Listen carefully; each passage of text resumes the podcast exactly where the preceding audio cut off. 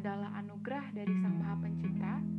Namun, apakah kamu tahu bahwa di dunia ini ada sindrom yang dinamakan MRKH sindrom yang hanya menyerang pada satu dari 5000 wanita.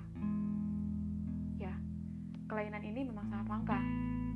Sindrom ini di mana kondisi sebagian reproduksi wanita seperti vagina dan uterus itu tidak berkembang atau bahkan tidak ada sejak awal.